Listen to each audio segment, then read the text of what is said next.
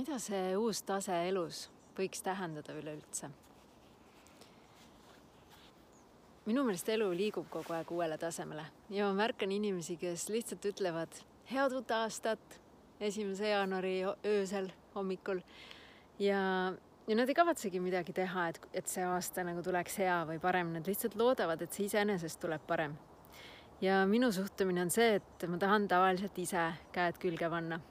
Tahan, et see päriselt tuleks parem ja mitte, et see oleks halb, ma mäletan kusagil kusagil keskkoolist ehk siis umbes sellisest täisealiseks saamise piirist või kandist saadik, et et mul ongi kogu aeg selline tunne, et issand, kui äge elu mul on. mul ongi hästi sageli see, et ma lähen õhtul magama ja mõtlen, et tuleks see hommik juba rutem. ja see on mul muidugi erinevate asjade pärast. see, mille pärast mul keskkoolis see oli või kahekümnendates oli hoopis erinev kui kolmekümnendates või nüüd neljakümnendates ja sellepärast ma näengi, et see tegelikult saab kogu aeg ägedamaks minna. ja kui võtta need kolm elu põhivaldkonda, tervis, suhted ja töö, noh, töö või raha või, või, või need mõlemad, need võivad nagu eraldi olla või siis koos, aga enamikul inimestel on töö ja raha nagu üks ja sama valdkond. No või ma ei tea, ei saa öelda, okei okay,, ütleme siis, et neli valdkonda, tervis, suhted, töö ja raha. tervises saab kogu aeg tegelikult paremaks minna no ma lugesin küll ka raamatut vananemisest ja ma tean, et kahekümne viiendast eluaastast või põhimõtteliselt äh, sünnist saadik me hakkame vananema.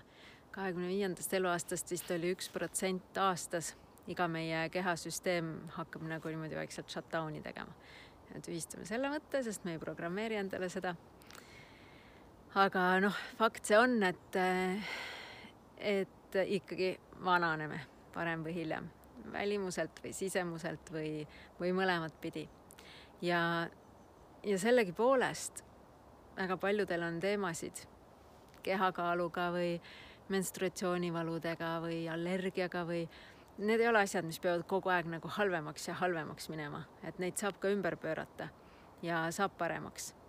ja, ja noh, tervise juures üldse on nagu see küsimus, mis see nagu tõeline tervis on, et kas see on see, et mul ei ole kunagi nohu või siis see on see, et äh, mul on nagu lihtsalt nii palju energiat. ja, ja ma olen elurõõmus ja mul ei valuta kusagilt, et äh, ma ei pea ühtegi ravimit võtma. ma mõtlen krooniliste asjadega, et ei ole ühtegi kroonilist asja, noh, see on tõeline tervis. et sa saad oma elus osaleda nagu lihtsalt täie rinnaga ja sul ei ole vaja selleks kohvi, et hommikul üles saada, sul ei ole vaja selleks äh, unerohtu, et öösel magada. sul ei ole midagi vaja lisaks. see on siis tervis uuele tasemele saab mm,. suhted uuele tasemele. muidugi saab. me mõtleme, et äh, suhe, noh, kuskil teismelisena kahekümnendates mul oli see, et mida suurem armumine, seda ägedam suhe. no ei olnud päris niimoodi. Siis elu tõi erinevaid katsumusi ja katsetusi ja ja kaasa arvatud seda, et suhe uuele tasemele võib olla ka see, et, et vahepeal lahku minna või see võib nagu eeldada, et vahepeal on vaja teha muutus, kui ei saa selle suhte sees seda suhet muuta. aga ennast muuta, ma arvan, saab ja peabki kogu aeg selles mõttes, et olla kogu aeg teadlikum ja meeldivam partner ja kaaslane ja noh, kõikidele oma lastele, oma vanematele, mitte ainult oma partneritele, oma tuttavatele. just käisin metsas jalutamas ja siin üks äh, perekond lihtsalt torises teineteisega, et nagu sellist suhtlemist ei ole vaja nagu üldse. siin raputame pead, siis raputab käsi ka eh,. suhted saavad uuele tasemele tõusta. Saab oma vana partneriga, saab oma uue partneriga. ja seda on väga äge kogeda ja, ja töö, noh, tööga ongi, et väga paljude jaoks töö on see lihtsalt, mis, millega saab raha teenida. ülejäänute jaoks on töö see, millega on võimalik karjääri teha või lihtsalt üks pulk karjääriredelil. ja, ja kolmandatele on töö see, mis on nende kutsumus või selline, selline tegevus, mida nad teeksid põhimõtteliselt ka ilma rahata, noh, raha on meil kõigil vaja, aga, aga selles mõttes, et see kirg ja armastus oma töö vastu on see, et äh, nii suur, et tahaks seda kindlasti ja alati teha nagu ükskõik kui palju. Ja ja see on midagi sellist, kus kohas mina oma tööga olen. aga loomulikult ma olen saanud proovida töötada ka raha eest ja raha pärast, noh, seda ei saanud pikalt teha, see raha motivatsioon veab ainult natuke aega. ja karjääripulgana ma ei ole tööd vist kunagi teinud, ma olen kogu aeg tundnud, et jess, ma olen nii hea koha peal, et siit edasi ma kindlasti tahan minna, tagasi ei taha minna ja kuskile kõrvale ka ei taha minna. et see, mis ma olen teinud, ongi üldiselt olnud see selline missioon ka mulle ja rahaga saab ka kindlasti järgmisele tasemele kogu aeg selles mõttes, et üks asi on see, et sa lihtsalt teenid raha, mis aitab sul kuukulutusi katta, see on nagu üks tase. teine tase on see, et, äh, et sul jääb oma sissetulekust üle midagi säästmiseks ja järgmisena, kui sul on mingi kogus säästusid, kolme kuni kuue kuni kaheteistkümne kuu säästud siis sa saad hakata investeerima. siis on sul investeeringud ja investeeringutega tekivad ka sellised erinevad tasemed nagu see, et et sa saad investeeringutelt teenitud raha esmalt nii palju, et kas, et katta oma püsikulud või vähemalt mingi osa nendest, e, siis juba kõik oma kulud ja siis juba, juba nii palju, et, et sa katad oma kulud ja katad ka oma, oma säästmise või sellise nagu luksus luksusvõimalused passiivse tulu pealt. ehk siis rahaga on täiesti võimalik igasuguseid erinevaid tasemeid kogeda. Ja niimoodi igas eluvaldkonnas, koduga ju samamoodi, et, et milline on see kodu, kus ma mõtlen, kus ma olen elanud, noh, üürikodu oli väga äge kunagi. tahtsin kindlasti elada kesklinnas, olles eluaeg elanud äärelinnas ja kannatanud selle all, et viimane buss läheb natuke enne kahtteist ja see on see aeg, kui pidudel alles läheb nagu hing sisse, nagu pidudele läheb hing sisse aga õnneks ma üsna pea enam pidudel ei tahtnudki käia. Umbes täisealiseks saades oligi juba nii, et pff, laske mul lihtsalt magama minna kell kaksteist ja pidudelt enne ära minna, kui teised jooma hakkavad või nagu purju jääma hakkavad. et selles mõttes ma ei olnudki kesklinna elanik ja elasin seal ainult lühikest aega, aga see oli huvitav ja minu jaoks upgrade nagu või järgmine tase sellest, et ma elasin vanemate juures. sain ma üürikodusse siis oli järgmine tase välismaal elamine, väga kihvt kogemus. Ja sealt järgmine tase muidugi iseendale korteri ostmine. ja sealt järgmine tase, et laen on tasutud selle kodu eest, et mul ongi vaba voli seal elada rahulikult.